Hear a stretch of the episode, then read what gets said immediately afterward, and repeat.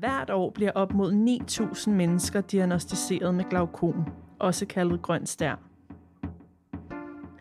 I denne podcast vil du som lytter få svar på nogle af de spørgsmål, som naturligt opstår i tiden efter en diagnose med glaukom. Du får et indblik i livet med glaukom, behandlingsforløbet og hvilke tilbud der er til patienter og pårørende. Podcasten er udarbejdet i samarbejde med Dansk Glaukomforening med støtte fra Synoptikfonden. Velkommen til Grøn Stær, en informationspodcast om glaukom.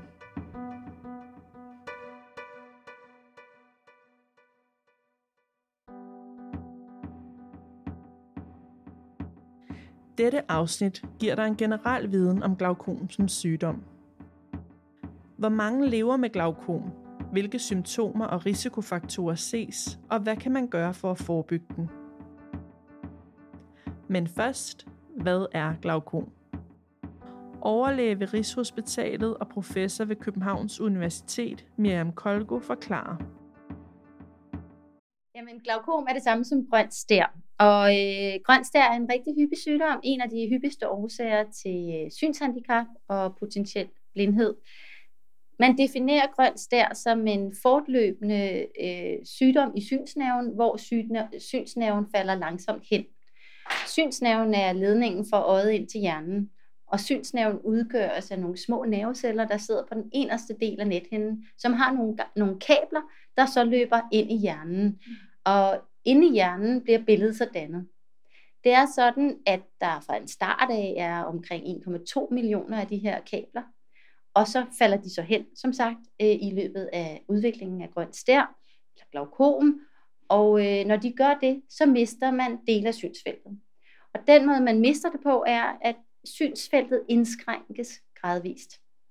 Men det er lumsk, for det opdager man ikke før sent i forløbet. Og det kan vi komme tilbage til. Mm. Glaukom er altså et løbende forfald af synsnerven, der leder til en indskrænkning af synsfeltet. Hvad fører til dette forfald, og hvilke former for glaukom er der? Jamen, glaukom er en øh, sygdom, som dækker over rigtig mange forskellige øh, sygdomsbilleder. Øh, man kan inddele glaukom i primære former, i sekundære former og så nogle sjældne medfødte former. De medfødte former øh, er heldigvis sjældne, som sagt, øh, så dem vil jeg ikke fokusere på. Så er der de sekundære former, som sådan set er andre sygdomme, hvor man får et forhøjet øjentryk. Øjentrykket er en væsentlig risikofaktor for alle former for, for glaukom, men ikke ligesom det, der definerer sygdommen. Men øjentrykket bliver vi alligevel nødt til at tale om, fordi det er det eneste, vi kan gøre noget ved. Og øjentrykket er en balance, eller udgøres af en balance mellem den væske, der produceres inde i øjet, for ligesom at holde øjets form, og den øh, væske, der ligesom øh, forsvinder fra øjet, altså og, øh, som, som dræneres væk fra øjet. Så en balance mellem den væske, der produceres, og den væske, der dræneres væk fra øjet. Og er der en ubalance, så stiger trykket ind i øjet, og det kan synsnerven ikke tåle, og så falder den hen. Så derfor er øjentrykket vigtigt, øh, en vigtig risikofaktor, og derfor er det vigtigt at sænke øjentrykket. Øhm, og når man så har de sekundære former, så er det simpelthen afløbet, der bliver, der bliver stoppet til. Det vil sige, hvis afløbet stoppes til, enten fordi der kommer en masse små inflammatoriske celler, som når man for eksempel har regnbuehindebetændelse, mm. så klotter de afløbet til, ligesom hår i håndvaskens afløb, og så stiger væskestanden ind i øjet, mm. og så får man forhøjet tryk. Og det kan synsnævn så ikke tåle.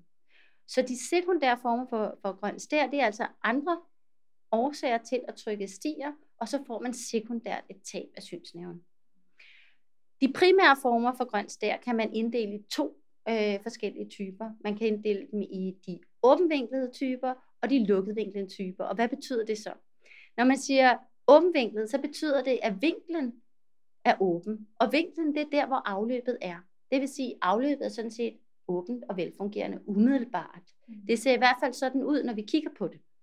I virkeligheden er der nok en modstand i afløbet, derfor får halvdelen af dem med primært åbenvinklet grønt stær stadig forhøjet tryk. Men vi skal huske på, at ikke alle får forhøjet tryk ved den primært åbenvinklede grøn stær. Halvdelen har et normalt øjentryk, og det er lidt tricky, og det kommer vi også tilbage til. Så jeg skal lige fortælle kort om den lukkedvinklede grønstær. Den er ikke lige så hyppig som den åbenvinklede. Og her er afløbet anatomisk lukket til.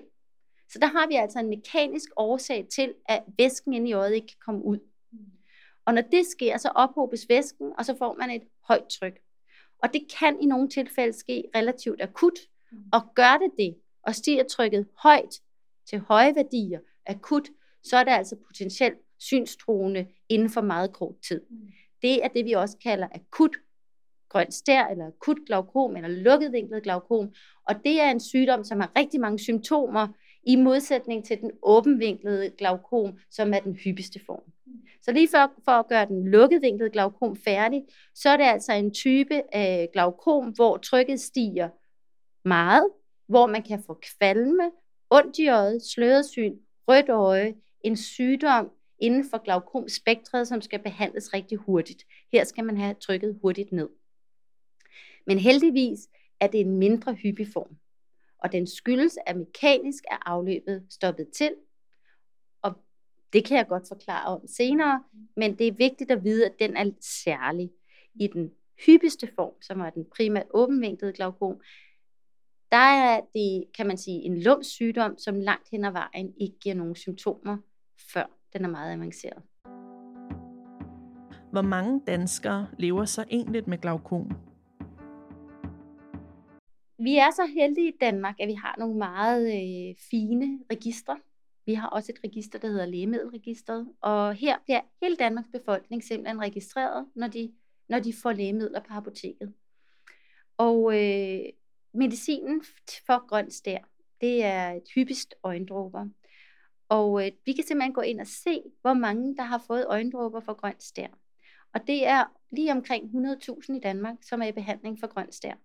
Så nogen vil så sige, ja, men der er også nogen, der bliver overbehandlet, nogen, der får medicin for grønt der, som måske ikke behøver det. Men samtidig er sygdommen også en, en sygdom uden symptomer, så vores forventning er også, at der er rigtig mange, som går rundt med grøn stær uden at vide det. Så alt, alt i alt vil jeg sige, omkring 100.000 har grøn stær i Danmark. Det er vigtigt at sige, at det her det er altså en aldersbetinget sygdom. Det er rigtig sjældent, at man får grøn stær, hvis man er yngre end 45. Øh, så hyppigheden af grøn stær er langt større i den ældre del af befolkningen. Og det er faktisk sådan, at omkring 10% har grøn stær, hvis de er nået over 80 år. Så så er det altså ikke en sjælden sygdom mere. Når nu så mange danskere, både diagnostiseret og udiagnostiseret, lever med glaukom, er det vigtigt at kende de risikofaktorer og symptomer, der knytter sig til sygdommen. Klinisk professor for klinisk medicin ved Aarhus Universitet, Niklas Tellinius. Ja, man kan jo sige, set til en hel population, så er der jo en faktor, der betyder rigtig meget, og det er jo alder. Jo, jo ældre man bliver, desto større risiko og at desto flere er det, der har sygdommen. Så det er jo en sygdom, som, øh, som vokser i prævalens med stigende alder. Og så er det jo også den genetiske faktor, at uh, har man uh, glaukom i familien, så er det en større risiko for, at man selv udvikler det. Og jo flere der er i familien, jo tættere på det er en selv, desto større risiko. Så der er noget familiært i det, men det er jo ikke sådan, at vi har nogle kendte genetiske mutationer, som, som vi ved medfører det. Eller det findes det, men, men ikke, det, det er ret sjældent. Så det er ikke sådan, at man sådan kan sige, at det er den mutation, der gør, at man får glaukom. Eller det er tilfælde med det, men ikke set til en hel, altså til en hel population. Så der er noget af, afledet i det, uden at man kan sådan pinpointe det til at være en specifik ting. Men det gør jo også, at når man begynder at opdage, at der er glaukom i ens familie, så skal man jo begynde at, at tænke over, om man ikke skal, selv skal gå til, til undersøgelser. Netop fordi, at øh, symptomerne, det kommer jo meget sent. Og øh, derfor kan man gå med sygdommen og få synsfældsdefekter flere og flere, uden at man lægger mærke til det. Øh, som regel er det jo en, en sygdom, som rammer begge øjne, men ofte er det jo en lille smule asymmetri, så det ene øje er lidt mere ramt end det andet øje. Og så kan det for eksempel være lidt tilfældighed, der gør, at man måske klør sig i det gode øje, så at man så lukker det gode øje og kun kigger med det dårlige øje, så man lægger mærke til, at, at der måske er, øh, at synet er lidt anderledes. At man har nogle, synes nogle ting, der måske forsvinder lidt for en. Så på den måde så kan det være lidt tilfældigt, at man opdager det. Det kan også være tilfældigt forstået på den måde, at man måske begynder at gå ind i ting, eller oplever øh, andre ting i dagligdagen, som lidt mere udfordrende end det, man plejer. Øhm, og det er jo ofte sådan, det viser sig set til symptomer. Hvornår bør man så gå til lægen? Miriam forklarer her. Jamen, der er, øh, altså nu, nu i Dansk Glaukomselskab har vi faktisk lavet det, vi kalder en vejledning. Øh, det vil sige, det, ikke, det, er, det er noget, man kan holde, en anbefaling af det i virkeligheden øh, Øh, hvis man er ældre. Man skal ikke gå til, øh, til øjenlægen, sådan set, hvis man er ung, fordi det her er en sygdom, der primært rammer ældrebefolkningen. Men er man over 45, og har man glaukom i første led i familien, så øh, er det en god idé lige at blive tjekket. Altså, er man 45, har man glaukom i første led i familien, det vil sige søskende eller forældre har glaukom, så bør man lige blive tjekket ser alt så godt ud, behøver man ikke rende til øjenlægen før fem år senere. Det er ligesom anbefalingen på nuværende tidspunkt. Den viden, der er omkring området, er desværre stadig sparsom, men det er bare vigtigt at vide, at hvis alt ser godt ud, så skal man ikke rende rundt og blive ved med at være bekymret, så kan man komme igen fem år senere. Øhm, det er klart, hvis man oplever, at man er blevet mere klodset, så må man da gerne have i tankerne, at det godt kunne være synet, eller synsfeltet, der var noget galt med. Øh, man kan også teste det ene øje, sætte en hånd foran det ene øje først, og så den anden øje, øh, hånd foran det andet øje. Det Øjenforeningen er i gang med at lave en kampagne, hvor man netop tester synet på den måde. Danmark tester synet. Og det er en rigtig fin måde at opdage, hvis det ene øje ikke ser. Der er forbavsende mange, der går rundt og ikke ser på det ene øje, uden egentlig have opdaget det. Så det kan selvfølgelig også være en, en, en, en, en test, en selvtest, som kan hjælpe. Udover jævnlige kontroller, er der så andet, der kan være med til at forebygge glaukom. Miriam igen. Øhm, kan sygdommen forebygges? Det er jo et rigtig vigtigt spørgsmål, øh, og øh, man snakker jo generelt, når vi snakker om sygdom, snakker vi meget om, at vi skal ind og se på forebyggelse øh, for at enten udsky, udskyde sygdomsstart eller for at forhindre, at sygdommen opstår. Øh, der er rigtig meget, vi ikke ved. Øh, jeg tror da helt sikkert, at der er nogle ting, der kan nedsætte risikoen for, at, øh, at, at, at, at glaukom bliver værre. Mm. Øh, vi ved, at øje, det at sænke øjentrykket i hvert fald kan nedsætte risikoen for at sygdommen bliver værre øh, og bremse sygdomsprocessen. Mm. Øh, men andre ting, som jo så ikke er helt lige så evidensbaseret, det er sådan noget som motion, mm. det er sådan noget som søvn, der er øh, sådan noget som øh, hjertekarsygdomme, øh, at man håndterer dem rigtigt.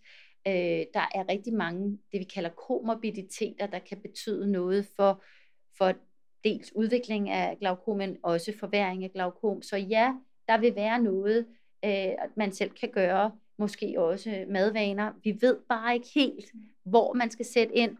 Og igen er det kompliceret af, at glaukom ikke er, måske ikke er én sygdom, men et spektrum af forskellige sygdomme. Jeg ser en patient med glaukom som en patient med en buffet af forskellige risikofaktorer. Og man kan sige, betydningen af de forskellige risikofaktorer er forskellige fra patient til patient. Så hos nogen vil øjentrykket klart være den væsentligste risikofaktor, mens hos andre vil det måske mere være, at de har et, øh, en hjertesygdom, som gør, at blodforsyningen til nethinden ikke er helt optimal. Hos en tredje kan det være, at det er fordi, de er nærsynet. Hos en fjerde kan det være, øh, øh, genetikken, der er væsentligst. Så, så igen, når man snakker forebyggelse, er det sandsynligvis noget, øh, vi skal være opmærksom på, eller det er noget, vi skal være opmærksom på. Jeg tror også, det er noget, vi kommer til at forstå bedre og bedre. Mm. Øhm, Men det er selvfølgelig lidt mere komplekst, fordi vi skal stratificere, det vil sige, vi skal personalificere vores behandlinger til den enkelte, og dermed også se på den enkelte i forhold til forebyggelse. For at opsummere episoden kommer her tre punkter, som er vigtige at tage med. 1. Glaukom er en sygdom, der defineres som et løbende forfald af synsnævnen. Der er mange årsager til dette forfald, og behandlingen sigter efter at sænke trykket i øjet. Glaukom er ikke en sygdom, der kan helbredes, men kun stagneres. Det er derfor vigtigt at fange sygdommen på et tidligt stadie. 3. Hvis nogen i din familie har levet eller lever med glaukom, er det vigtigt at gå til jævnlige kontroller fra 40-årsalderen. Dette gælder også, hvis du føler dig klodset, har problemer med koordinationen eller har en pludseligt opstået smerte i øjet. Er du i tvivl, eller er du blot nysgerrig, kan du finde en hjemmetest på Øjenforeningens hjemmeside.